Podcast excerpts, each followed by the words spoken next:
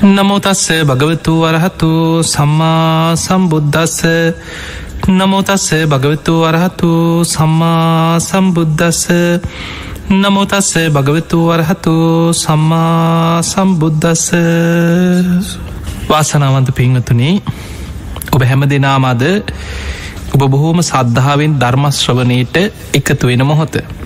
ධර්මශ්‍රවනය කරන ලක්වාසී ලොවාසී හැම දෙනාටමත් මේ උතුම් ධර්මශ්‍රවනය නිවන්දොරටුවක් බවට පත්වේවා කියලපි මුලින්ම ආශිර්වාද ප්‍රාර්ථනා කරනවා.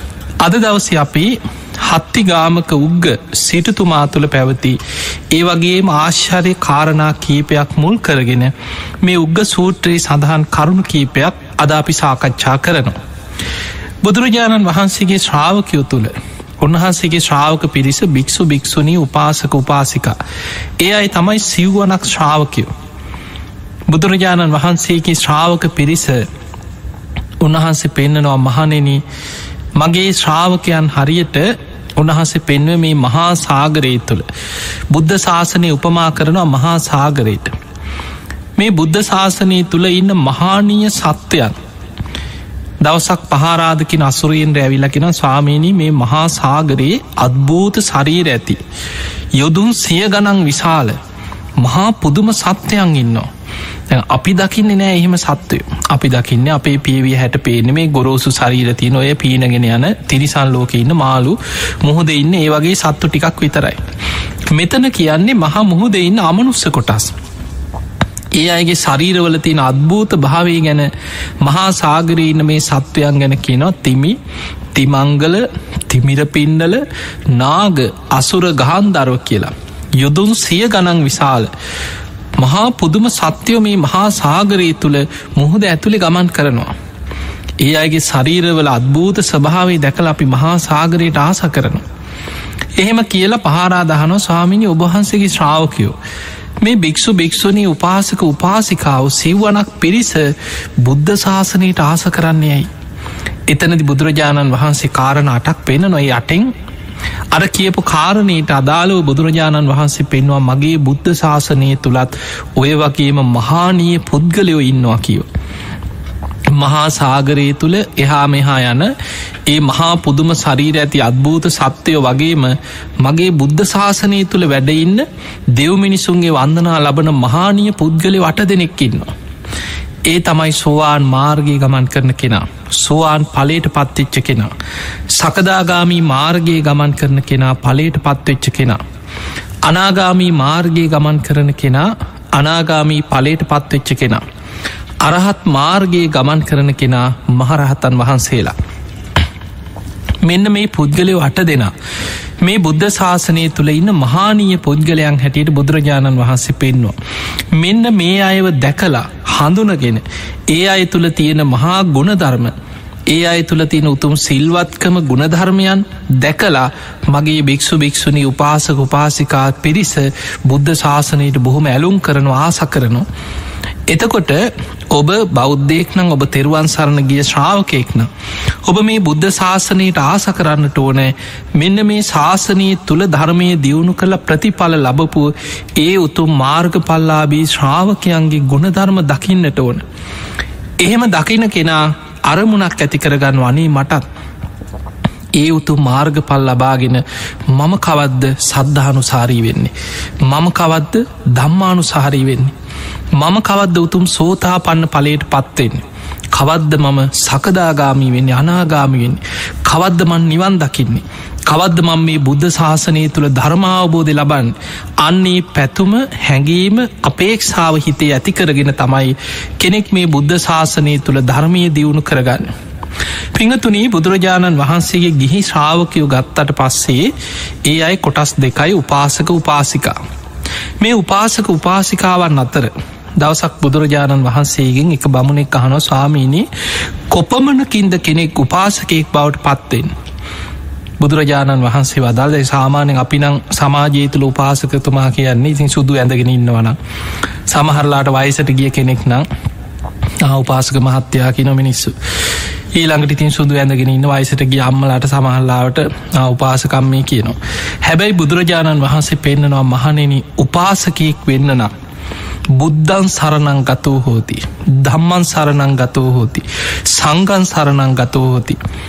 කෙනෙක් බුදුන් සරණ යනවද? අවබෝධෙන් නිකම් බුද්ධ සරණ ගච්ඡාම කියලනව අවබෝධයෙන් යුක්තව තුනුරුවන් ගුණ හඳුනාගෙන ලෞකික සම්මාධිට්්‍යය තුළ කර්ම කරම්පල විශ්වාසයෙන් මේ භයානක සසර ගමනි ස්වභාවය ගැන වැටහීමකින් අනේ මං මගේ ශාස්තෘන් වහන්සේ හැටියට මේ භයානක සසරදුකින් මිදීම පිණිස බුදුරජාණන් වහන්සේවම පිහිට කරගන්නවා කියන අදහසට ඇවිල්ලා බුද්ධන් සරණංගච්ඡාමි කියනවා. අනුගමනය කළ යුතු වැඩපිළිවෙලක් මාර්ගයක් හැටියට බුදුරජාණන් වහන්සේ දේශනා කරන ධර්මීම මං අනුගමනය කරනවා කියන තැන ඉඳගෙන දම්මන් සරණං ගච්ඡාමි කළේ වැඩ පිළිවෙල ඒ ධර්මය සරණයනවා. මේ ධර්මය අනුගමනය කළ ප්‍රතිඵල ලබපු මාර්ගපල්ලාබී ශ්‍රාවක පිරිස.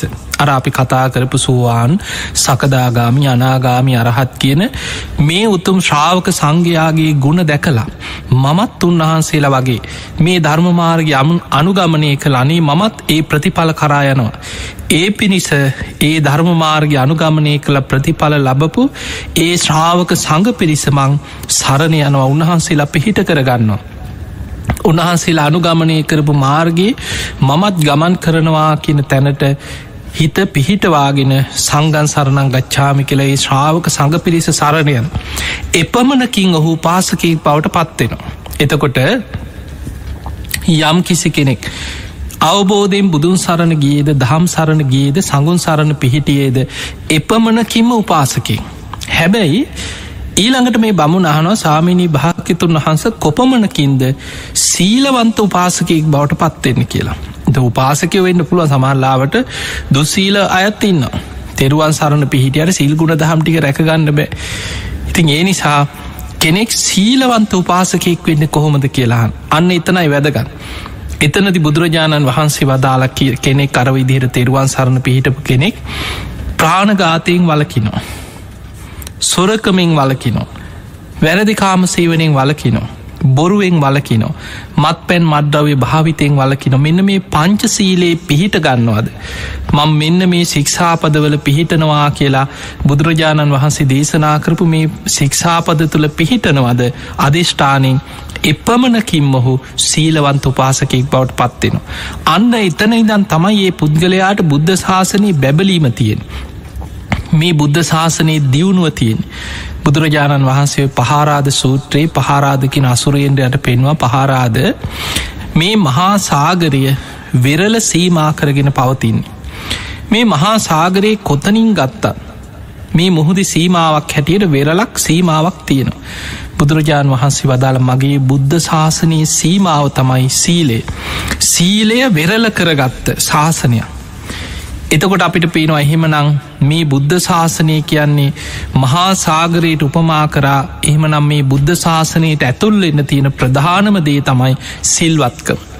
සීලේක පිහිටගත්ත කෙනාමයි බුද්ධ ශාසනය ගැඹුර කරායන් ඔබ දන්නවා සෝවාන් වෙන්න සකදාගාමිවෙන් අනාගාමිවෙන් රහත්වෙන් අඩුගාන සමාධයක් උපදවන්න හරි සිල්වත්වෙන්නට ඕන. සීලේ පිරිසිදු නැත්නං හිත විපිලිසර වෙනවා. ඒ නිසා ධර්මාවබෝධයට හිතක් පුරුදු කරගන්න ශ්‍රාවකයාගේ සීලේ පිරිසිදු භාවයක් තුළ පිහිටියොත් තමයි ඔහුට එතන ඉදම් භාවනාවට යොමු එන්න පුළුව. සීල සමාධි ප්‍රඥා හැටියට සීලේක පිහිටල තමයි හිතක් එකග කරගන්නති නැත්නම් හිත විසිරෙනවා. භාවනා කරන්න වාඩිවෙච්ච වෙලේ ඉදං තමන්ගේ හිත විපිලිසර භාවයට පත්වෙනවා. වෙච්ච වැරදි අඩුපාඩු මේ ඔක්කෝම හිතට ගලාගෙනනවා. ඒ නිසා යම් කෙනෙක් යම් මොහොතක සීලේක පිහිටියද මං දැන්ඉදන් සිල්වත්. මගේ ජීවිතේ දැම් පිරිසිදුයි. පරණ වැරදි පරණ අඩු පාඩු ජීවිත ඕන තරන් තියෙන පුළුව හැබැයි මං මේ මොහොත ඉදන් තෙරුවන් සරණ ගිය සීලේක පිහිටපු කෙනෙක් කියලා එතන ඉදන් ධර්මමාර්ගයේ දියුණුවක්මයි. බුදුරජාණන් වහන්සේ පෙන්න්නන්නේ මහණනී කෙනෙක්ගේ ජීවිතේ වැරදි අඩු පාඩු පවකන්තිබිලා යම් දවසකයා තෙරුවන් සරණ ගිහින් සීලේක පිහිටනවද. එතන ඉඳං වලාකුලින් මිදෙන පුන් සඳ වගේ ජීවිතයේ තමන්ට බැබලෙන්න්න පටන්ගන්නවා ධර්මය තුළ දියුණුව කරායන. අර අකුසල් කර කර පවකං කර කර ජීවත්වෙන තාක්කල් ජීවිතේ බැබලීමක් නෑ හරියට සඳ මඩල් වලාකුලින් දුම් මීදුම් ආදියෙන් වැැහුණට පස්සේ බැබලෙන්නේ නෑ හැබැයි යම් වෙලාවක අර වලාකුලින් දුමෙන් මීදුමෙන් බිවර වුනාට පස්ස විවෘත වනාට පස්සේ වලාකුලින් මිදුනට පස්සේ බැබලෙන්ට පටන්ගන්නේ යම්සේද. ඒ වගේ කෙනෙක් තිසරණී පිහිටල සිල්වත් වෙනවාද එතන ඉදන් ජීවිතයේ බැබලීමක් මයි කියනවා. පිංහතුනේ මේ බුද්ධ ශාසනය තුළ බුදුරජාණන් වහන්සේගේ ප්‍රථම දේවාචික ගිහි උපාසකවරු දෙන්න තමයි තපස්සු බල්ලුක. ඒ අයි තමයි බුදුරජාණන් වහන්සේ බුදු වෙලා හත්වෙනි සතියේ මුලින්ම බුදුරජාණන් වහන්සේට මුණ ගැහුණේ ඒ වෙනකොට තුනුරුවන් පහළ වෙලා තිබුන්නේ බුදුරජාණන් වහන්සේ දහම් ගඟ විවර කරලා ඉසි පතන මිගදායදි තමයි තුනුරුවන් පහළ වෙන්නේ හැබැයි ඊට පෙර සත් සතිය ගත කරන අතරතුර හත්වනි සතිය තමයි මේ වෙළදාමයන්න තපස්සු භල්ලුක වෙළඳ සොහයුරම් මුණ ගැහෙන්. ඒ අයි බුදුරජාණන් වහන්සේට විලඳ මී පිඩු සහිත දානයක් පිළිගන්නන. බුදුරජාණන් වහන්සේ අයටත් පුුණ්‍යානුමෝදනාවක් කරනවා. ඒ අයි බුදුරජාණන් වහන්සේගේ ශාසනී ප්‍රථම දේවාචික උපාසකවරු බවට පත් වනා. බුදුරජාණන් වහන්සේගේ ශාසනයේ ප්‍රථම තෙරුවන් සරණ කිය. ගිහි උපාසක උපාසිකාවන් බවට පත්වෙන්නේ යසකුල පුට්‍රයාගේ අම්මතාත්ත දෙන්න. එදා බුදුරජාණන් වහන්සේ ප්‍රථම ධර්ම දේශනාව කරලා ඉසිපතන මිගදාය පුුණ්‍ය භූමිය වැඩ සිටිද්දී යසකුල පුට්‍රය ඇතුළු යාලූ පනස් හතර දෙනා. බුදුරජාණන් වහන්සේ හොයාගේ නැවිල්ල බණහලා උතුම් ධර්මාවබෝධය ලැබුව. යසකුල පුට්‍රයාගේ අම්මයි තාත්තයි දෙන්න තමන්ගේ පුතා හොයාගෙන එනකොට පුතාගේ අර මිරි වැඩි සඟලි පා සටහන් ඔස්සේ හොයාගෙනාව කොහෙටදගේ අවසාන බුදුරජාණන් වහන්සේ වැඩ සිටින මේ මූල ගන්ධ කුටියෙන් තමයි පාසටහන් අවසන් වෙලා තියෙන්. එහෙම නම් තතාගතයන් වහන්සේ මුණගැහි මෙතනට එන්න ඇති බුදුරජාණන් වහන්සේ අධිෂ්ඨානයක් කරා යසකුළු පුට්ට ඇතුළ මේ පිරිස නොපෙනෙන්. හැබැයි බුදුරජාණන් වහන්සේ අම්මතාත දෙන්නට එදා දහම් දෙසවා ඒ අයි ප්‍රථම තෙරුවන් සරණ ගිය ගිහි උපාසක උපාසිකාවන් බවට පත්වෙනවා. ධර්මී පිහිටනවා.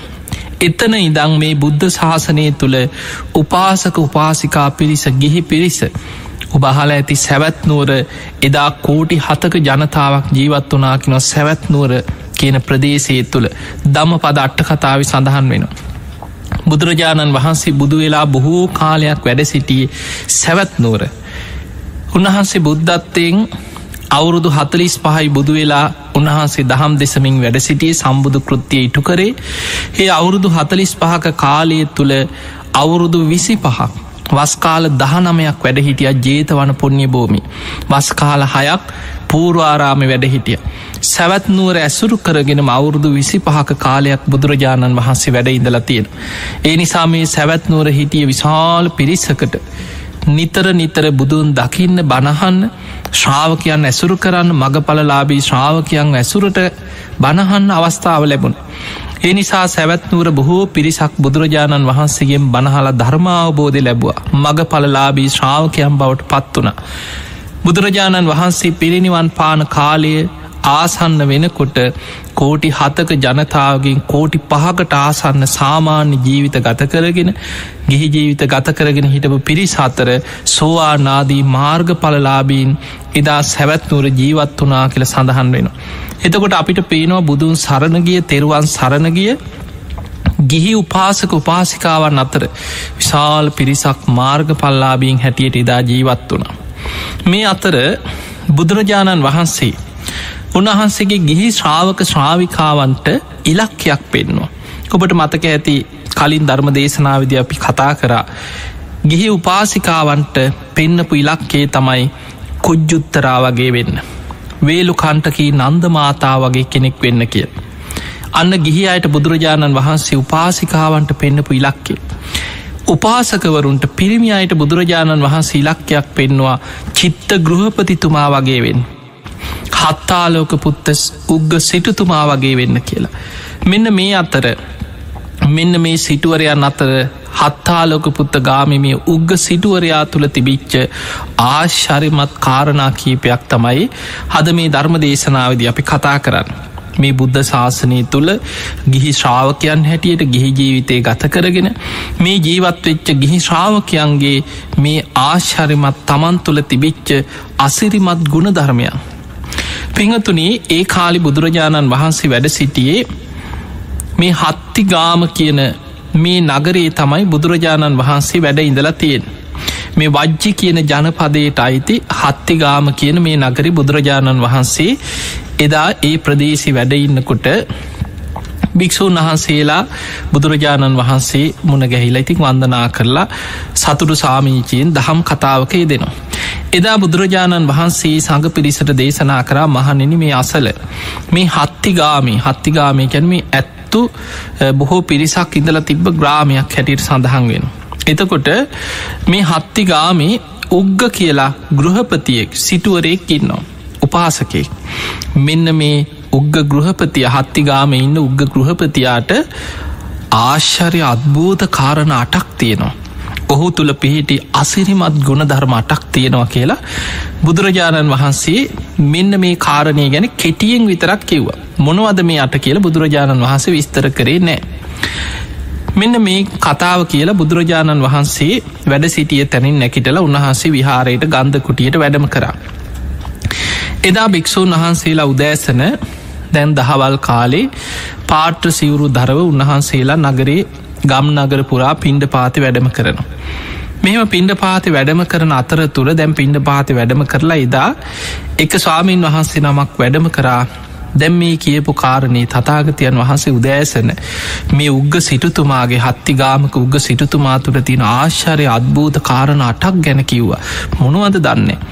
සිටුතුමාගේ මහගන්න ඕනෑයි කියලා සිටුතුමාගේ සිටු නිවසට මේ ස්වාමීන් වහන්සේ වැඩම කරා තින් සිටුතුමා බොහෝම ගෞරවෙන් දම් පැම් පිළිගන්නල ස්වාමීණි වැඩ ඉන්න කියලා ආසනයක් පනවල බොහොම ගෞරවෙන් උන්වහන්සේට වන්දනා කරලා වැඩ සිටිය.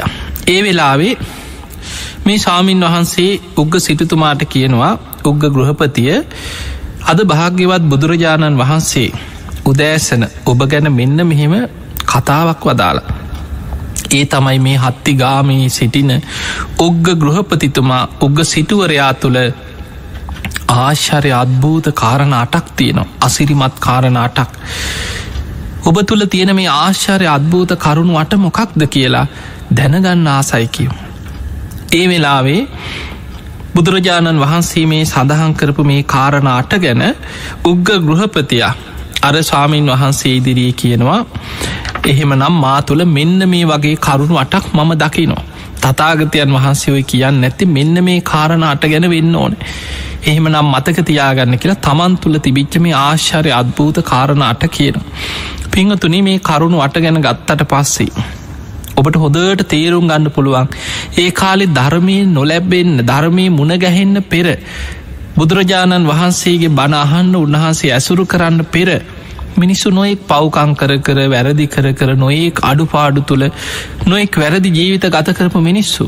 හැබැයි ඒ අයට මේ ධර්මය ලැබීමත් සමගම තුනුරුවන් සරණ ගිය උපාසකවරු පවට පත්වෙලා ජීවිතේ මොනතරන් ධර්මය තුළ ආශ්චරිමත් වෙනස්කන් සිදුවෙනවාද කියලා. මේ ධර්මය කියන්නේ මහා අසිරිමත්වයක්. ඒ ධර්මය ආශ්චර්ය නිසා මහා දරුණු මිනී මරු අපරාධකාරය හැටියට එදා නගර බීතියට පත්කරපු මහා පෞකාර ජීවිත ගතකරපු පුද්ගලයෝ ධර්මය ආශ්චරයෙන් ඒ සියලු වැරදි අතහැරලා තෙරුවන් සරණ ගිහිලා සීලවන්ත උපාසකවරු පවට පත් වුණා. සමහරු පැවිදි වුණා. අංගුලි මාල වගේ අය පැවිදි වෙලා පුංචි සතෙක්ගෙවත් ජීවිතයක් තොර කරන්නේ නැතුව පුදුමාකාර සිල් ගුණ දහම් වැඩුව. දෙව්මිනිසුන්ගේ වන්දනා ලබන උතුම් මහරහතන් වහන්සිලා බවට පත් කරේ මේ ආශ්චරිමත් ධර්මය. ඒවගේම සමහරු මත් පැන් මඩ්‍රව්යවලට බේබදුකංවලට ලොල් වෙලා හිටපු අය මේ බණහල ජීවිතයේ සම්පූර්ණයෙන් වෙනස් කරගත්තා. උතුම් මහරහතන් වහන්සේලා බවට පත් වනා සිල්වතුන් ගුණවතුම් බවට පත්වෙලා. ඒවගේම නගර සුවබිනියෝ ඒ සියලු වැරදි අතහැරලා තෙරුවන් සරණ ගිහිල ධර්මය පිහිටල ධර්මාවබෝධය ලබලා දෙව්මිනිස්සුන්ගේ වන්දනා ලබන උතුම් රහත් භික්‍ෂුණීන් වහන්සේ ලබවට පත්වෙන. නොඒ හොරකං වංචනිකකං කරගෙන ජීවත්තෙච්ච නගරී ගම් පහරපු හොරු මේ බණහලා ආශ්චරිමත්ව තමන්ගේ ජීවිතයේ ධර්මය තුළ වෙනස් කරගත්තා. මේ වගේ මේ උග්ග ගෘහපතියා හත්තිගාමක මේ කියන ග්‍රාමයේ ජීවත්වෙච්ච උග්‍ර ගෘහපතියා තමන්ගේ ජීවිතයේ ධර්මය තුළ වෙනස් කරගත් ආකාරය කාරණා කීපයක් එකින් එක විස්තර කර කරර ස්වාමීන් වහන්සේට කියන. කියනවා සාමීනී මම ඉතිං ඉස්සර ඉන්ද්‍රියන් පිනවන්න තමයි කෙන ආස කරන්න ඒ කියන්නෙක් මේ කෙලෙස් වලට රාගාදී කෙලෙස් වලට බොහෝම ලොල් වෙලා හිටපු පංචකාමයන් තුළම ජීවත්වෙච්ච කෙනෙක් මේ උග්ග කියන ඒ කාලේ උපාසකයා වෙන්න කලින්. තිං ඉන්ද්‍රියම් පිනෝන නිතර නොයෙක් විදිහට මත් පැංවලට ඇබ්බැහි වෙලා හිටිය. දවසක් මේ විදිහට උයනකට ගිහිල්ලා. තින් කාන්තාව එක්ක කෙලෙස් සොලින් තමන්ගේ ජීවිතයේ අර පංචකාමයන් පිනෝමින් ඉන්න අතරතුළ හොඳට මත්වෙලා සුරාවෙන් මත්වෙලා හිටිය කියනවා. හැබැයි එදා මට හදිස්සියේම භාග්‍යවත් බුදුරජාණන් වහන්සේෝ දැකගන්න ලැබුණා. බුදුරජාණන් වහන්සේව දැකීමත් සමගම මගේ හිත මහා පුදුම විදියට පහන් වනා කියනවා. දැම් බලන්න බුදු කෙනෙක්ගේ දර්ශනයම් එදා මට බුදුරජාණන් වහන්සේව දැකපු දවසෙම මගේ ජීවිතයේ සම්පූර්ණෙන් වෙනස් වනා කිය. පංචකාමයන් තුළ බේබදු ජීවිතයක් ගත කර කර හිටපු උග්ග සිටුතුමා සම්පූර්ණෙන් වෙනස් වනේ බුදුරජාණන් වහසගේ බණහන්න කලින් උන්වහන්සේ දැක්ක දර්ශනයෙන්ම උන්වහන්සේගේ දෙතිස් මහා පුරුෂ ලක්ෂණවලින් යුක්ත ඒ උතුම් බුදු සිරුර සාන්ත ස්වභාවේ ගමන් විලාසේ බුදුරජාණන් වහන්සේගේ බුදුරුව දැකලා ඒ දර්ශනයම මගේ සිත පහන් වෙලා මම නිවරදි කෙනෙක් බවට පත් වනා ස්වාමීණි අර වෙරි මත නැති වෙලා ගියා කියල. තමන් ඒ වෙලාම පුදුමාකාර පැහැදීමක් ඇති වෙලා අනේ මේ ආරයන් වහන්සේ මේ උත්තමයන් වහන්සේෝ මං පිහිට කරගන්න. උන්වහන්සේගේ මාර්ගයේ මං අනුගමනය කරලා කරනවා කියලා දැක්ක දර්ශනින්ම ජීවිතය මට වෙනස් වනා කිය. ස්වාමීනි මා තුළ මා දකින ආශ්චරිමත්ම දේක කියන. දැම් බලන්න මොන තරම් අසිරිමත්ද කියලා දැම් සමහරුන්ග වැරදෙන් වලක්වන් එක්කෝ අවවාද කරන්න ඕන. සමහරුන්ට කියලා කියලා ආදීනව කියලා අපාය බය කියලව කරන්න එපා මෙහෙමයි අපාය ඔය වගේ පවකංකරොත්මට අපාය වැටෙන්න්න වෙනවා කොච්චර මිනිස්සු අරදෙන් වලක්වන්න නො කොච්චර උත්සාහයන් ගන්නවද. හැබැයි බුදු කෙනෙක්ගේ බුද්ධ දර්ශනය බුදු කෙනෙක්ගේ දැකීමම සම්පූර්ණය මුග්ග ගෘහපතියට තමන්ගේ පංචකාමයන් පිනෝමින් ඉදුරම් පිනෝමින් කෙලෙස් තුළ ජීවත්වෙච්ච ජීවිතයේ සම්පූර්ණයෙන්ම නිවරදි මාර්ගයට යොමුණේ බුදු කෙනෙක් දැක්ක දර්ශනයෙන් මයි කියන. පිංහතුන ඒ නිසාමේ බුද්ධ දර්ශනය කියලා කියන්න බුදු කෙනෙක් දැකීම සමහර අවස්ථාවල දේශනාවල තියෙනවා බුදුරජාණන් වහන්සේව දැකලා අනේ සාදු කියලා වන්දනා කරගත්ත පමණින් දිවිය ලෝකෙගේ අයගැන සඳහන් වෙනවා. එතකොට අපිට පේනවා මේ බුදු කෙනෙක්ගේ බුදුරුව දැකීමම කෙනෙකුට මහා පුදුම විදිහට මුළු ජීවිතේම වෙනස් කරගන්න උපකාර වෙන කාරණය. උග්ග ගෘහපතියක් එෙන ස්වාමීනී මා තුළ තින ආශ්චරිමත් කාරණයක් හැටියට මම එක දකිනවා. ඊළඟට කියනවා ස්වාමීනි ඔය විතරක් නෙමෙයි මා තුළ තවාශ්චරි කාරණයක් තියෙනවා. ඒ තමයි එදා බුදුරජාණන් වහන්සේව දැකලා. ඒ දර්ශනය මගේ හිත පැහැදිලා මම සම්පූර්ණයෙන්ම උන්වහන්සේ පිහිට කරගන්නවා කියන අදහසි උන්වහන්සේ කරා එළඹුනා කියන බුදුරජාණන් වහන්සේ ළඟට ගිහිල්ල වාඩිවෙල අනේ ස්වාමීනී මට ඔබහන්සේ දහම් දෙසන්න කියලා උන්වහන්සේ ළඟ භාවන බණහන්න වාඩි වෙනවා. බුදුරජාණන් වහන්සේ පිළිවල කතාවක් කරා කියන. අන්න බලන්න බුදුරජාණන් වහන්සේ පිළිවල කතාව දාන කතන් සීල කතන් සග්ග කතන් කාමානං ආදීනවා ඒ වගේම නයිස්ක්‍රම්මය ආනිසංස මේ විදිහට පිළිවෙල කතාවකින් බුදුරජාණන් වහන්සේ ඉස්සල්ලාම කෙනෙකුට දහම් දෙසන්නේ අනු පිළිවෙල කතාවකින් කියෙන්. දානී ගැන දැ සාමාන්‍ය බණ කියනකට ඉස්සල්ලාම කෙනෙක්ගෙ හිත ක්‍රමාණුකුල බුදුරජාණන් වහන්සේට තියෙන ඉන්ද්‍රිය පරෝ පරියත්තේ ඥානී. කෙනෙකුගේ ධර්මාවබෝධ කිරීමේ කුසලතාව දකින නුවන බුදුරජාණන් වහන්සේයාගේ හිත වැඩෙන ආකාරි බුදු ඇසිම් බලමින් තමයි දහම් දෙසන්න.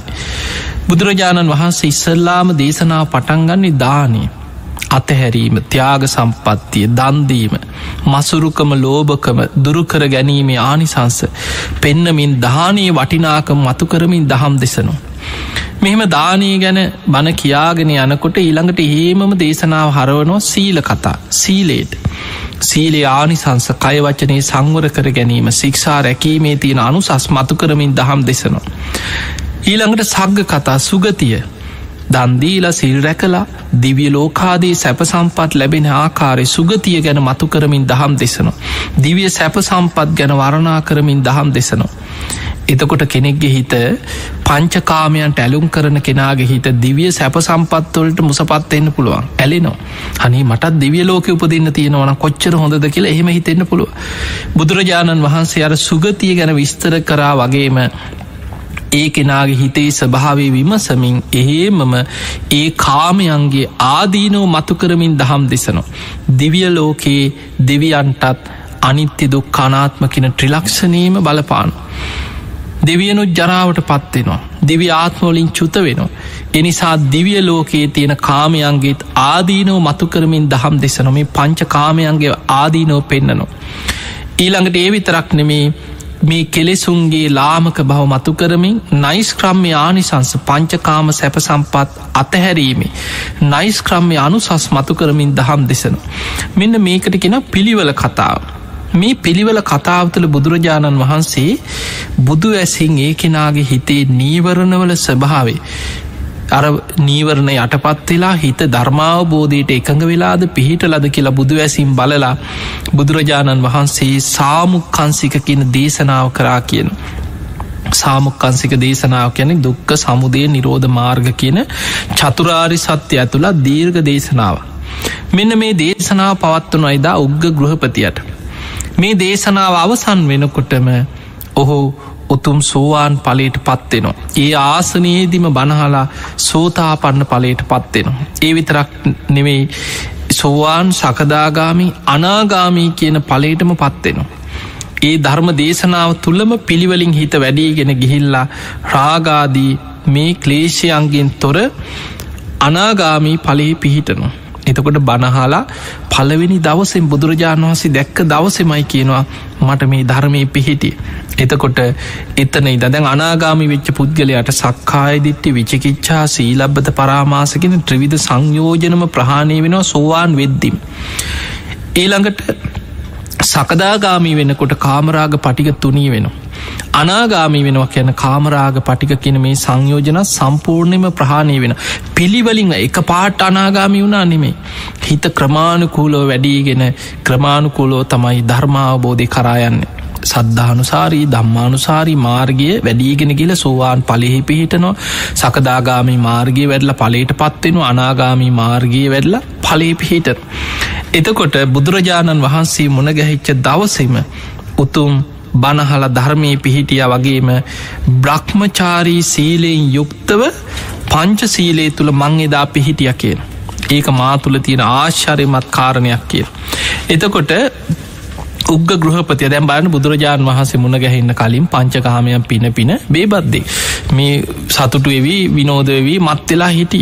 හැබැයි බුදුරජාණන් වහන්සේව දැක්ක දර්ශනයෙන්ම හිත පහන් වෙලා පුද්දුම සතුටකින් අර ඔක්කොම ඉඳුරම් පිනෝපුය පැත්තක තියලා බුදුරජාණන් වහන්සේ ළඟට ඇවිල්ලා හිතෙන වනේ උන්වහන්සේ මට සරණ යන්න තියෙනවන. ඒ සිතුවිල්ලම දර්ශනයෙන්ම වෙරි හිදිලා ගියා කියන. හිත පැහැදුනා කියනවා බුදුන් සරණ යන්න හිතුන කියන. එදාම බණහලා අනාගාමී පලට පත්වෙන. එහෙම අනාගාමී පලට පත්වෙලා බ්‍රහ්මචාරී සීලේක පිහිටපු මේ උග්ග ගෘහපතියා තැන් අනාගාමි වෙලා.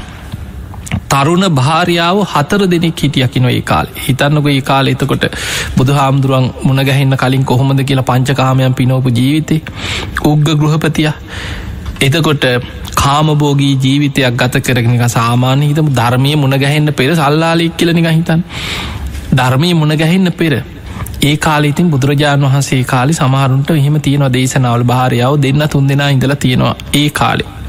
එතකොට මේ උග්ග ගෘහපතියටත් භාරයාව හතර දෙනෙක් හිටිය කියන. ඔහු දැන් ධර්මය අවබෝධ වෙලා බනහලා ධර්මාවබෝධය ලබල අනාගාමි පලට පත්වෙලා නිවසට යනවා. ගිහිල්ලා වෙනද වගේනෙමි දැම් භාරයාවන්ට කතා කරින් නැගනිවරුණි සොහොයිරය කියලා. දැන් තමන්ට තමන්ගේ භාරයාවට කතා කලකින නැගනිවරුණි මම බුදුරජාණන් වහන්සේව සරණ ගිය. මන් ධර්මයේ පිහිටිය. මං බ්‍රහ්මචාරී සීලේක පිහිටිය. නුබල කැමතිනම් මාත් එක්ක මගේම සහෝදරයක් වගේ මේ නිවසේ ගුණධර්ම වඩාගෙන ධර්මය පුරුදු කරගෙන මෙතනින් එහාට මාත් එක්ක මේ නිවසීන්න පුළුවන් කියන. එහෙම නැත්නම් නුඹලාගේ හිත ගිය කවුරු හෝ පුරුසෙක් ඉන්නවනම් මට කියන්න කියන. මං විවාහ කරලා දෙන්නම් කියන මං සැප සම්පත්දීලා උග ගෘහපති අබොහොම දනවතේ. එතකොට කියනවා මගේ දේපලත්දීලා ඔබට ඒ සියලු පහසුකන් සලසලා ඔබේ හිත ගිය කවුරු හෝ තරුණෙක් හෝ ඉන්නවන මං විවාහ කරලා දෙන්නම් කියන. දැම් මෙහෙම කීවට පස්සේ අර භාරයාව හතර දෙනා අතරින් කීප දෙනෙක් කියනවා මේ එහෙමනම් ඔය ඇත්තමද කියලාහනු ඉතින් කියනවා මේ ඕ කියනවා.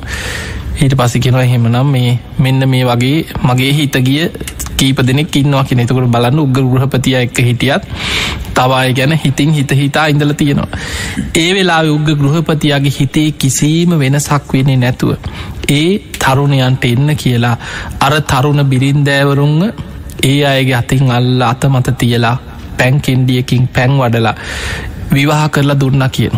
ඒ සම්පූර්ණයම ඒ අයට විවාහ කරලා මෙන්න අද පටන් ඔබේ බිරිදක් හැටියට බාරගෙන කටයුතු කරන්න කියලා සැප සම්පද්දීලා ඔක්කොම තමන්ගේ ධනයක්දීලා ඒ අයව බොහොම සතුටෙන් පිටත් කරලා ඇරිය කියන හැබැයි මගේ හිතේ කිසිම වෙනසක් ඇති උන්නේ ස්වාමීනි කියන ඒක මාතුලති භාශරයමත් කාරණයක් කිය එතකොට බලන්න මේ ධර්මය තුළ සම්පූර්ණයම ජර්මය තුළ ජීවිතයේ පෙරලෙන චරිත ධර්මාබෝධයට යොමු එන කෙනා මොන්න තරං අකම්පිත හිතක් තුළ බොහොම සතුටින් කාමයන්ගේ ආදීනව සිහි කරන්න කාමයන් අතහරින්න පුළුවන්.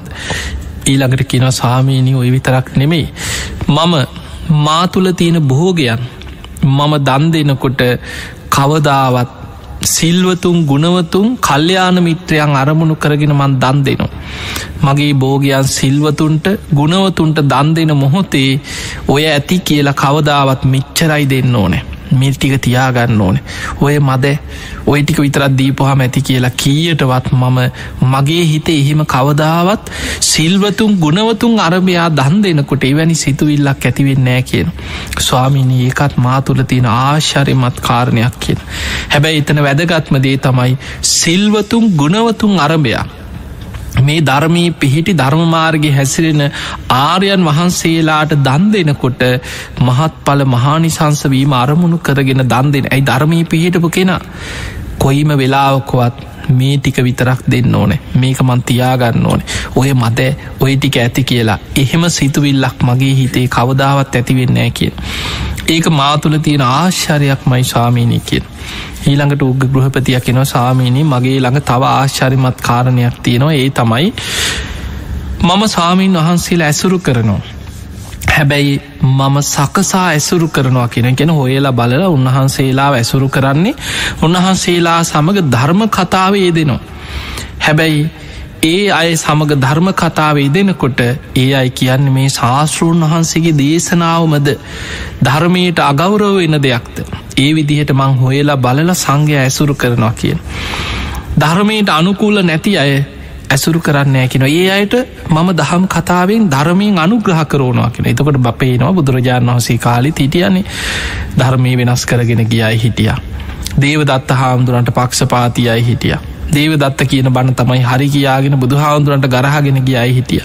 නොයෙක් විදිහට ධර්මකාරණා වෙනස් කරපු ශ්‍රාවකයෝ හිටිය. එතකොට ඒ වගේ බිකුෘති චරිත හිටිය කියලා මේ ඔක්කොම ඉතින් සංඝයා නේද? මේ ඔක්කොටෝම අපි එක විදිහට සලකන්න ඕන නේද? එහෙම හැමෝම එක විදිහට ඇසුරු කරන්න ඇකි නමම ධර්මය පිහිටපු තෙරුවන් සරණ පිහිටපු ශාස්තෘන් වහන්සේට අගෞරව නොයන විදිහට කටයුතු කරන භික්‍ෂූන් වහන්සේ ළමං සොයා බලා ඒ අය ඇසුරු කරනවාකින් ඒ කියන්නේ කල්්‍යයාන මිත්‍රයන් ආශ්‍රයට ගන්න. ධර්මය වෙනස් කරන පාපමිත්‍රයන් ඇසුරට ගිය ගමන් වෙන්නේ අසද්ධර්මශ්‍රවනය වැටෙන්. ඒ නිසා සද්ධර්මශ්‍රවනය ලබන්න නම් කල්්‍යයානමිත්‍ර ඇසුරෙන්මයි සද්ධර්මශ්‍රවනය ලැබෙන්. පාපමිත්‍රයෙක් ඇසුරට වැටිච්ච ගමන් පාපමිත්‍රයාගෙන් අහන් ලැබෙන සද්ධර්මයනෙමේ අසද්ධර්මය ඒ ධර්මය වචන බෙදලා හරි වචන කඩල හැරි තමන්ගේ වචන රිංගෝල හරි ධර්මය වෙනස් කළ විකෘති කරලා බණ හැටියට අමුතු බණ අහන්න ලැබෙනවා. එතකොට මේ කමන්න ඔක්කොම ඉතින් යුරදාගත් අයන කමක් නෑ කියලා ඇසුරට ගියොත් එන්නේ ධර්ම මාර්ග වෙනස් වෙන.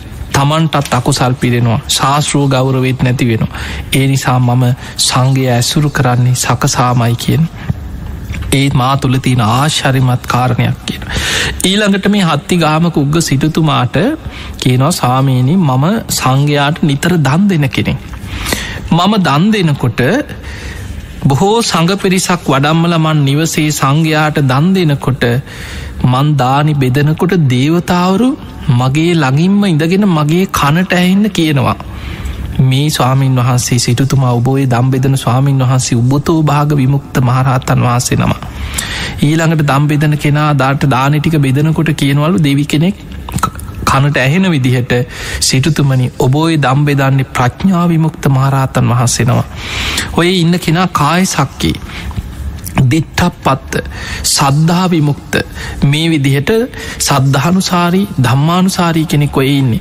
ඔයි ස්වාමීන් වහන්සේ නම් සෝවාන් වෙච්ච කෙනෙ ඔයි ස්වාමීන් වහන්සේ සකදාගාම වෙච්ච කෙනෙක්. එහෙම කියලා කියනවලු දාන බෙදනකොට දේවතාවරු කියනවලු. දන්නේ දැන් දාන බෙදනකොටම දේවතාවරු කිනොස මේ සිරුතුමා ඔය දාන බෙදන භික්ෂුව දුස්සීලෙක් කියනවල්. හැතකොට දෙවියන්ට පේනවා.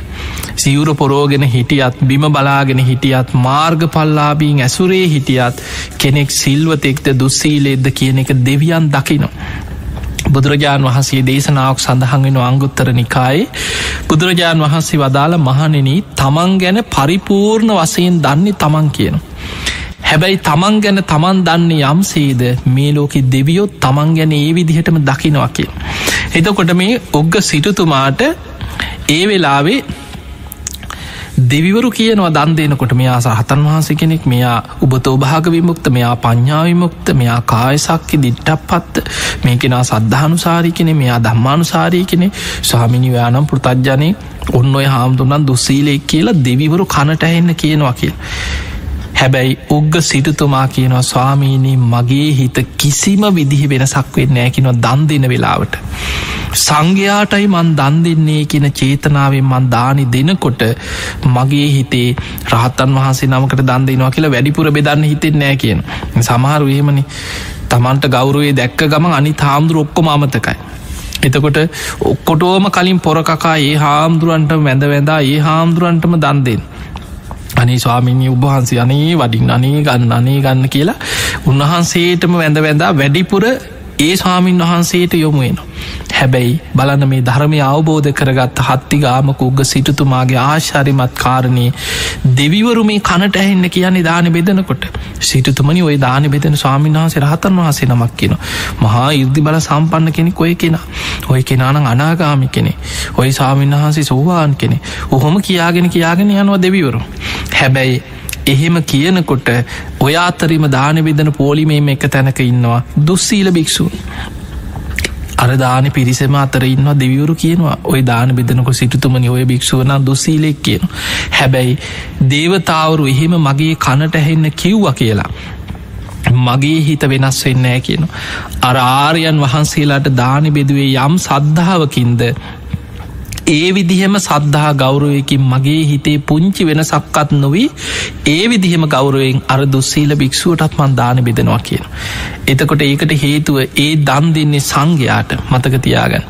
සංඝයාට සඟ සතු කළ පූජා කරනකොට පොදුවේ ඒ සියලු දෙනාම සිල්වත් වනත් දුස්සීල වනත් සංඝයා නියෝජනය කරන්න මේ බුද්ධ ශාසනයේ පොදු මහා සඟ පිරිස. හැබැයි මේ සිරුතුමා පෞද්ගලිකව ඇසුරු කරනකොට ආශ්‍රය කරන්නේ සකසා. කල්්‍යයාන මිත්‍රය විතරයි. අසපපුරුස ධර්ම විකෘති කරන ඇසුරු කරන්න ඇකින පෞද්ගලික ආශ්‍රේවි. හැබැයි සංඝයාට පොදුවේ දන් දෙන වෙලාවට කිසිීම හිතේ වෙනසක් නැතුව මම දානි දෙනවා කියන. ස්වාමීනී මා තුළ තියෙන ආශ්චරිමත් කාරණයක් කියනවා එක. ඊළඟට සිටුවරයක් කියන සාමීනි ඔය විතරක් නෙමෙයි. මම ඉතින් ධර්මය විමසනකොට එතකොට අපිට පෙනවා ඒ කාලෙ මේ ගිහිස් ගිහි උපාසකවරුන්ට ධර්මය දියුණු කරපු අයට දෙවියන් සමහරුන්ට පේන්නේ නවා. දෙවිවරු ඒ අයට ඇහෙන්න කතා කරනවා. නන්ද මාතාව තමන් උඩු මහලේ ඉදං රාත්‍රී පාරායන වගේ සජ්්‍යහයනා කරනකොට අහසින් යන වයිශ්‍රවන දෙවියෝ තමයි අහසඉදන් සාධකාරදිල නන්ද මාතාවට කියන්නේ නන්ද මාතාවනි ඔන්න හිට දවසේ සාරිපුත්ත මුගල්ලාන උතුම් අග්‍රශ්‍රාවකයන් වහන්සේලා පන්සීයක් සමඟ වඩිනවා කියලා. එතකොට බලන්න දෙවියන් සමඟ කතාබස් කිරීම හැකියාව ඒ පුුණ්‍ය ශක්තිය ඒකට හේතුව සිල්වත් ගුණුවත් ධර්මය දියුණු කරන අයට දෙවිවරු ලංවෙනවා. දෙවියන් ඒ අයට උදව්පකාර කරන ඒ අයට පෙනීන්න. එතකොට බලන්න මේ හත්ති ගාමක උග්ග සිටතුමාගේ හත්වනි ආශ්චරය කාරණය කිනව ස්වාමීනී මම ධර්ම සම්මර්ශනය යෙදෙනකොට ධර්මය විමසනකොට දෙවිවරු දෙකැන මෙයා තනියෙන් ඉන්නකොට ධර්මය මෙනෙහි කරනවා. එහෙම ධර්මය මෙනෙහි කරනකොට දේවතාවරුන්ට හිත පේනවා. දෙවිවරු මා ඉදිරී පෙනීඉඳලා කියනවලු ඔය බොයේ ඔය ධර්ම කාරණය නං ඔය විද්ධහමයි. බුදුරජාණන් වහන්සේ මේ මේ ගුණවලින් යුක්තයි. මේ ධර්මය නම් මෙන්න මේ ගුණෙන් යුක්තයි කියල දේවතාවරු මම හිතන දේම මායිදිරී පෙනීදලා කියනවා. හැබැයි දෙවිවරුන්ට එතකොට ඔග්ග සිටතුමා කියනවලු දේවතාව ඔබ කිව්වත් නැතත් ඒදේ එහෙමම තමයි බුදුරජාණන් වහන්සේගේ ධර්මයේ කාන්තෙන් ස්වාක්කත ඒක ඔබ කිව්වත් එකයි නැතත් එකයි. එතකොට දෙවියන් කිව්වා කියලා අමුතු පැහැදීමක් මට ඇතිවෙන්නෑ කියන මම ධර්මය ගැන සද්ධාවෙන් පිහිටපු කෙනෙ. ඒ නිසා දෙවිවරු කිව්වත් නැතත් මම ධර්මය විමසනකොට ඒ ඇතිවන විමසීම තුළ ඒ ධර්මය ගැන අවබෝධයෙන් මම සද්ධාවෙන් පිහිටනකොට දෙවියන්ට මං එහෙම කියනවා කිය. එතකොට බලන්න අපිට පේනවා දෙවියන් කිව්වා කියලා වෙනස් වෙන්නේ නෑ තමන්ගේ අදහස අන්න ඒක තමයි වටිනාමද. දැම් බලන්න මේ දේවතාවරු මේ සිටුවරයට නිවරදි දෙයක් කියන එක වෙනමයි. දෙවියන් අතරත් ඉන්නවන මිත්‍යා දෘෂ්ටිකයි මාර පාක්ෂිකයින්න. දෙවිවරු විදිහට පෙනී ඉඳලා කෙනෙකුට වැරදි දෙයක් කියන්න පුළුවන්. ඔහොම නෙමේ මෙන්න මෙහෙමයි කියලා. එතකොට සද්ධාව නැති කෙනෙක් නංගනේ දෙවි කෙනෙක් මට කිව්වේ. පෙනීදලා කිව්වේ. අන්න හරි නියම ධර්මය කියලා නොමග යනවා. සමහරු දෙවියන්ගෙන් උපදෙස් සරගෙන බණ කියනයින්න. තමාරතර දෙවියන් කියලා මේ පෙනීන්න යකෙක් වෙන්න පුළුව. එතකොට සම්පූර්ණයම ධර්මය කියලා වැරදි විකෘති කියාගෙන යන. එතකොට ඒ අයි සමහල්ලාට කියන මේ මට දේවතාවික්යන් ම භාවනා කරනකොට දෙවියෙක් මට පෙනීදල කිව්ව එක්කෝ එයාම මවාගන්න මේ අනාගාමි වෙච්ච කෙනෙ දිවිය ලෝකෙන් ආව මේ මට මේ මේ උපදෙස් දෙනවා නිවරදි ධර්මය කියන් මේ විදිහට නොමගයන්. එතකොට බලන්න ඒ කාලෙක් ගිහි උපාසකෙක් වෙලා හත්ති ගාමක උග සිටතුමාට තමන් ධර්මී සිහි කරනකොට ඒ ධර්ම කාරණා ගැන දෙවිවරු ඇවිල්ල කියනකොට කියනවලු ඔබ කියන්න ඕන්නෑ මට. බුදුරජාණන් වහන්සේගේ ධර්මය ඒ කාන්තෙන්ම සාක්කාතයි සන්දිිට්ටික යකාලිකයි ඔබ කිව්වත් නැතත් ඒ ධර්මය එහෙමම තමා කියලා දෙවියන් කිව්ව කියලා මං පිළිගන්නෑ කියන ධර්මී ගැන මාතුළ තියෙන සද්ධාව දෙවියන් නිසා පිහිටපු දෙයක් නෙමේ සාමීනී ඒක මාතුළ තියෙන ආශාරය මධ්‍යයක් කියනවා. එතකොට බලන්න මේ වගේ මහා අසිරිමත් ගුණ ඇති ගිහි ශ්‍රාවකයෝ බුද්ධ ශාසන ඉදලා තියෙන ඊළඟට උග්ග සිටතුමා කියනවා සාමීනී බැරිවෙලාවත් බුදුරජාණන් වහන්සේ පිරිනිවන් පාන්න පෙර මම කලුරියකරොත් හදිසිය හරි මං හදිසී හරි මම මට මැරෙන්න්න වුණොත්. එදාට බුදුරජාණන් වහන්සේ දේශනා කරයි ඔය හත්තිගාමක ගමේ හිටපු උග්ග සිටුතුමා ඒ කාන්තෙම්ම අනාගාමී පලට පත්තිච්ච කෙනෙක් කියන එක නොකිය කියන්න කියනවා පං සංයෝජනයක් ප්‍රහාණය කරපු ඒකැන රුද්ධම්බාගේ සංයෝජනයම් ප්‍රහාණය කරපු. කාම ලෝකයට යළි නොයන ස්භාවයෙන් යුක්ත කෙනෙක් කියලා බුදුරජාණන් වහන්සේ දාට මං ගැන කියයි කියෙන්. ස්වාමීනී ඒක මා තුළ තියෙන ආශාරය මධ්‍යයක් කියන එතකොට තමන් තුළ තියෙන ස්වභාවය මෙන්න මේ වගේ ගුණධර්ම මාතුළ පිහිටල තියෙනවා මේක මාතුළ තියෙන අසිරි මධ්‍යයක් කියලා උග සිටතුමාර ස්වාමීන් වහන්සේට කියන දැන් සර සාරාන්සයක් වසෙන් සාමාන්‍යෙන් ඔබ හිතන්න මෙහි ගිහි ශ්‍රාවකයන්ගේ ජීවිතයේ ධර්මය තුළ වෙනස් වෙච්ච හැටි ඔබ මේකින් දකින්න ඕන පංචකාමයන් පිනෝමින් උග්ග කියන කෙනා බුදුරජාණන් වහන්සේ දකින්න කලින් බේ බද්දේ. එතකොට බේබදු ජීවිතයක් ගත කරමින් උයන් ගොලට ගිහිල්ල කාන්තාව එක්ක විනෝදවී හිටපු කෙනෙ. එදා මේ උයනක ඉන්න අතරතුර තමයි එදා බුදුරජාණන් වහන්සේව දකින්න ලැබුණ. ඒ දකින දර්ශනයෙන්ම තමන්ගේ හිත පුදුමාකාර පැහැදීමකට පත්වෙලා සිහිය පිහිටිය කියන. එදා බුදුරජාණන් වහන්සේ ළඟට ඇවිල්ලා ඒ ඇතිවෙච්ච පැහැදීමෙන් මනේ ස්වාමිනි ඔබහන්සේ මට පිහිට වෙන්න ඔබහන්සේ මට දහම් දෙසන්න කියලා බනාන්න වාඩි වෙන. ඒ බණහපු පලවෙනි දවසම බනහල් අනාගහමි පලට පත්වෙන. බලන්න එතකොට තමන්ගේ පරණ ජීවිතය තුළ තරුණ කාන්තාව හතර දෙනෙ හිටියකිනො ඒ කාලේ. ගිහිල්ල කියනවා නැගනිවරුණි මන් ධර්මී පිහිටිය මන් තෙරුවන් සරණ පිහිටිය. කැමතිනම් මාත් එක්ක මේ ගෙදර ඉන්න පුළුවන්. හැබැයි සහෝදරයක් වගේ. බිරිඳක් විදිහට නෙමේ මම බ්‍රහ්මචාරී වෙච්ච කෙනෙ ඒම නැත්නං ඔබ කැමති කෙනෙක් ඉන්නවනම් කියන්න විවාහ කරල දෙන්නම් කියලා හනේ කැමැත්තෙම විවාහ කරලා දුන්න කියනවා. හිතේ කිසිම වෙනසක් ඇති උන්නෑ කිය ඊළඟට මේ සිටතුමාගේ ආශාරිමත් කරුණු අපිට වැදගත්වෙන්නේ ඔහුට දම්බෙදනකොට දෙවිවරු ඇවිල්ල කියනවා මෙන්න මෙයා සුහවාන් මෙයා රහතන් වහන්සේ කෙනෙ එතකොට බලන්න දේවතාවරු මේ අනාගාමි වෙච්ච සිටුවරයට දානි දෙනකොට කනට ඇහෙන්නම කියනවා. මෙයා දුස්සීලේ මෙයා මෙහෙම කෙනෙ හැබැයි රහතන් වහන්සේ නමක් වුණත් ඉර්දිමතෙක් වුණත් ප්‍රතජ්ජනයෙක් වුණත් දුස්සීලෙක් වුණත් මම දානි බෙදෙනකොට සංඝයාට දන් දෙනවා කියෙන අදහසින් දන් දෙන නිසා මගේ හිතේ කිසිම වෙනසක් වෙන්නේ නෑ කියන මම එක හා සමාන සමාන සද්ධාවෙන්ම සංඝයාට දන් දෙනවා කියෙන්. හැබැයි පෞද්ගලිකව සංගය ඇසුරු කරද්දිමං සකසා ඇසුරු කරනවා කියනවා. බුදු හාමුදුරන්ට අගෞරවයක් නොවෙන විදිහට ඒ ධර්මයම දේශනා කරන සත්පුරුස කල්්‍යයාන මිත්‍රයන් මං ඇසුරු කරනවා කියන. එතකොට අපිට පේනවා ජීවිතයේ මේ ධර්මී හැසිරන ශ්‍රාවකයන්ගේ. මේ ආශරිමත් ගුණ ධර්ම දෙවියන් එක්ක පවා කතාව බස් කරනවා. තමන් ධර්මයේ මෙනෙහි කරනකොට ධර්මය සජ්්‍යායනා කරනකොට ධර්මය විමත්සනකොට ඒ කරුණු එහෙම මයි කියලා දෙවිවරුත් මායිදිරයේ පෙනීඉඳලා කියනවා කිය.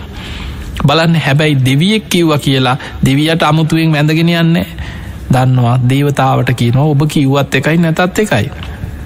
බුදුරජාණන් වහන්සේගේ ධර්මය එහෙමම තමයි. ඒක ඒ කාන්තිම මේ ධර්මය සාක්ඛාතයි සන්දිිට්ටිකයි කියලා ධර්මය ගැන ඒ අච්චල සද්ධාවම පිහිටවාගෙන ඉන්නවා. එතකොට අපිට පේනවා මේ බුදුරජාණන් වහන්සේගේ ශ්‍රාවකයන්ගේ ජීවිතවල ඇතිවෙච්ච පරිවර්තනය. ඒ වගේ ඔබහල ඇති බුදුරජාණන් වහන්සේ ගිහි ශ්‍රාවකයන්ට පෙන්නුවේ මගේ ගිහි ශ්‍රාවකයෝ. මේ හත්තාලෝක පුත්ත සිටුතුමා වගේ වෙන් ඊළඟට චිත්ත ගෘහපති වගේ චිත්ත ගෘහපතිත් අනාගාමි වෙච්ච කෙනෙ දේශනාව සඳහන්ගෙන මජ්්‍යිකා සන්ද කියලා ඈත ප්‍රදේශයක ඉඳලා තියෙන. බුදුරජාණන් වහන්සේ නොදැක වප්ප කියන මහරහත්තන් වහන්සේගෙන් බණහල ධර්මාවබෝධය ලබනම්. බොහෝ කාලෙකට පස්සෙ සෝවාන් වෙලා ඉඳලා සාරිපුත්ත මොග්ගල්ලාන මහරහත්තන් වහන්සේලා. ඒ ප්‍රදේශයට වැඩම කරපු වෙලායි බණහල අනාගාමියනු. එදා කල්පනා කනවා මට බුදුරජාණන් වහන්සේ නොදැකමම් මාර්ග පල් තුනක් අවබෝධ කරගත්තා ශ්‍රාවකයන්ගේ බණහලා දැන්නම් මන් ශාස්තෘන් වහසි බලන්න යනවා කියලා බොහෝ දුරක් මජ්ජිකා සන්දීදං පිරිස පිරිවරාගෙන ඒ කාලෙ බනාහපු දවස ඉඳං මේ චිත්ත ගෘහපතිතුමා බොහොම ධර්ම කතිකෙක් කියෙන අහන ධර්මී විස්තර කර කර ලස්සන්ට බණ කියමින් බොහෝ ගිහි පිරිසක් තෙරුවන් සරණගේ උපාසකවරු බවට පත් කරනවා ඒ ප්‍රදේශව. ඒ පිරිස පිරිවරාගෙන සැවැත් නුවරට එන්න දවසේ බොහෝ දුරක් කරත්තවලින් ඇවිල් ඇවිල්ලා දින ගානක් මග දිගට එනවා. එනකොට දේවතාවරු තමයිකෙන මගදි දන්සැල් මවාගෙන මේ සිටුවර ඇතුළු පිරිසට දන්දුන්නේ දේවතාවරු කියෙන්. ඒකට හේතු මේ සිටුතුමා මහා පින් කලත් දෙව්ලව ඉඳම් මනුලවට ආපු කෙනෙ. ඒ දේවතාරු මගදි දම් පැන්දුන්න කියනවා. බුදුරජාණන් වහන්සේ දකිනවා චිත්ත ගෘහපතිතුමා පෙර මහා අධිෂ්ඨානයක් කරපු කෙනෙ. ඒ අධිෂ්ඨානෙන් බුදුරජාණන් වහන්සේෝ මුණ ගැහිලා උන්වහන්සේව දැකලා සිරිපතුල් වන්දනා කරනකොට අහසින් පංච වර්ණ මල් වැස්සක් ඇදහැලින් වයිදාට. ඒ මල් වැස්සෙන් සැවැත්නුවර සමහර ප්‍රදේශවල විළුම්ඹ තරං සමහර තැන්වල දනිස්ස තරං අහසින් මල් ඇද හැලෙන. මේක දැකලා මිනිස්සු නගරවාසීන් මේ මොකක්ද මේ අහසින් වැස්සනි වහින්නේ මේ මල් ඇද හැලෙන්නේ මොකද කියලා මිනිස්සු ඇවිල්ලා මේකට හේතු හොයාගෙන සැවැත්නුවරට එනවා ජේතවනයේ හොයාගෙනනවා. එදාට රාත්‍රී බුදුරජාණන් වහන්සේ දේශනා කන බණහල අසූහාර දහසක් තරම් පිරිස මාර්ග පල් ලබන. බුදුරජාණන් වහන්සේ උදෑසන දැක් අද රාත්‍රීමේ අසිරිමත්දේ සිදුවෙනවා. ආනන්ද හාදුරට කියන ආනන්දය පින්ඩ පාති වඩිනකොට ඔය නගරි මිනිස්සුන්ට පින්ඩ පාති වඩින භික්‍ෂූන් වහසිට ලවා දැනුම් දෙන්න කියන අද රාත්‍රී අහසින් මල් වැස්සක් ඇදහැලෙනවා. ඒ මල්වැස්ස හවසට ඇදහැලෙන්නේ මේ චිත්ත ගෘහපතිතුමා බුදුරජාණන් වහන්සේගේ සිරිපත්තුල් වඳින වෙලාවට ඒ නිසා මේ අසිරිමත් වෙලාවි බණහන්න ජේතවනයට බොහෝ පිරිසක් රැස්සෙනවා කියලා මේ කාරණී දැම්ම කියාගෙන යන්න කියන. පින්ඩ පාති යන භික්‍ෂූන් වහන්සේලා මේ කාරණය කියාගෙන යනකොට බොහෝ පිරිස බනින්න ගන්න. මිනිස්සු කියන කොහෙද මේ අහසින් පිස්සු දහනවා මේ මල් වැටෙන්නේ කොහෙ දහන්න. මේ මේ භික්‍ෂූන් වහන්සේලාටත් පිස්සු කියකි අනේ අර පින්ඩ පාති වඩින ස්වාමීන් වහන්සේලාට දොස් කියනවා මිනිස්සු හැබැයි හවස් වෙනකොට චිත්ත ගෘහපතිතුමා ජේතවනයට ඇවිල්ල දම්සභා මණ්ඩපේ බුදුරජාණන් වහන්සේ වැඩඉන්නවා දකින්නකොට අප්‍රමාණ සද්ධාවක් ඇති වෙන. දනිස් දෙකින් වැඳගෙන වැඳගෙන ඉදිරියට එන්නේ දනිස් දෙකේ. ඇවිල්ලා බුදුරජාණන් වහන්සේගේ සිරි පතුල් මත නලල තියාගෙන කෙනව ස්වාමීනී මම තමයි චිත්ත ගෘහපති මජ්්‍යකා සඳ දේශී දම් මම් බුදුරජාණන් වහන්සේ දකිින් නාවේ මමයි චිත්ත ගෘහපති කියලා සිරිපතුල් මත හිස තබාගෙන බුදුගුණ සිහි කරනකොට අහසෙන් පංචවර්ණ මල් වැස්සක් ඇදහැලෙන් ඒ පෙර ඔහු මහා පින්කං කල මල් පූජාවක් කරලා කරපු අධිෂ්ඨානය මෙන්න මේ වෙලාවේ නගරවාසීන් පුදුමයට පත්වෙන වනේ අපි උදේ ඉදං අර හාමුදුරුන්ට බැන්නට පින්ඩ පාති යනයි කියපු කතාව ඇත්තන යමල්ල යමල්ල ජේතවනයට කියලා බොහෝ පිරිසක් එකතුවෙන් එදා රාත්‍රී බුදුරජාණන් වහසේ දේශනා කන දේශනාව අහලා අසූහාර දහසක් පිරිස ධර්මාවබෝධය ලබනු. මේ බුද්ධ ශාසනයේ මහා අසිරිමත් ගිහි ශ්‍රාවක ඉඳල තියෙනවා මේ විදිහට. තිය නිසා ඔබ තෙරුවන් සරණ ගිය ගිහි උපාසකවරු හැටියට උපාසිකාව හැටියට ජීවිතය ආදර්ශයට ගන්න මෙන්න මේ උතුම් ශ්‍රාවකයන්. ඒ නිසා අපි තිරුවන් සරණ ගිය ගිහි පිරිසක්නම් බුදුරජාණන් වහන්සේ දේශනා කරපු ආකාරයට හිතන්න මමත් ගිහි ජීවිතය තුළ ඉඳගෙන පුළුවන් තරක් ධර්මී ඉහලටම දියුණු කරගන්න. උන්වහන්සේ ඉලක්ක කරේ අනාගාමි වෙච්ච ගිහි ශ්‍රාවකයන් ආදර්ශයට ගන්න. චිත්ත ගෘහපති වගේ කෙනෙක්වෙන් හත්තාලෝක පුත්ත සිටතුමා වගේ කෙනෙක්වෙන්න තින් එහෙමනං ඔබ හැම දෙනාටම අද මේ උතුම් ධර්මදේශනාවෙන් අංගුත්තර නිකායි සඳහන් වෙන හත්තිගාමක උග සූත්‍රයේ උග සිටතුමාළඟ තිබී චාශ්චරමත් කරුණු කීපයක් ඇසුරු කරගෙන මේ බුද්ධ ශාසනය උපාසකවරුන්ගේ ජීවිතවල අසිරිමත් කරුණු ඇසුරු කරගෙන මේ උතුම් ධර්මශ්‍රවනින් ඔබ රැස් කරගත්ත සියලු පිනෙන් ඔබ හැම දෙනාටමත් මේ පින ජීවිතයේ ධර්මාවබෝධය පිණිසම සකස් කරගෙන ධර්මාවබෝධය කරාම ජීවිතයේ දියුණු කරගන්න උපකාරවේවා වේවා කියලපි ඔබට ආශිර්වාද කරනවා.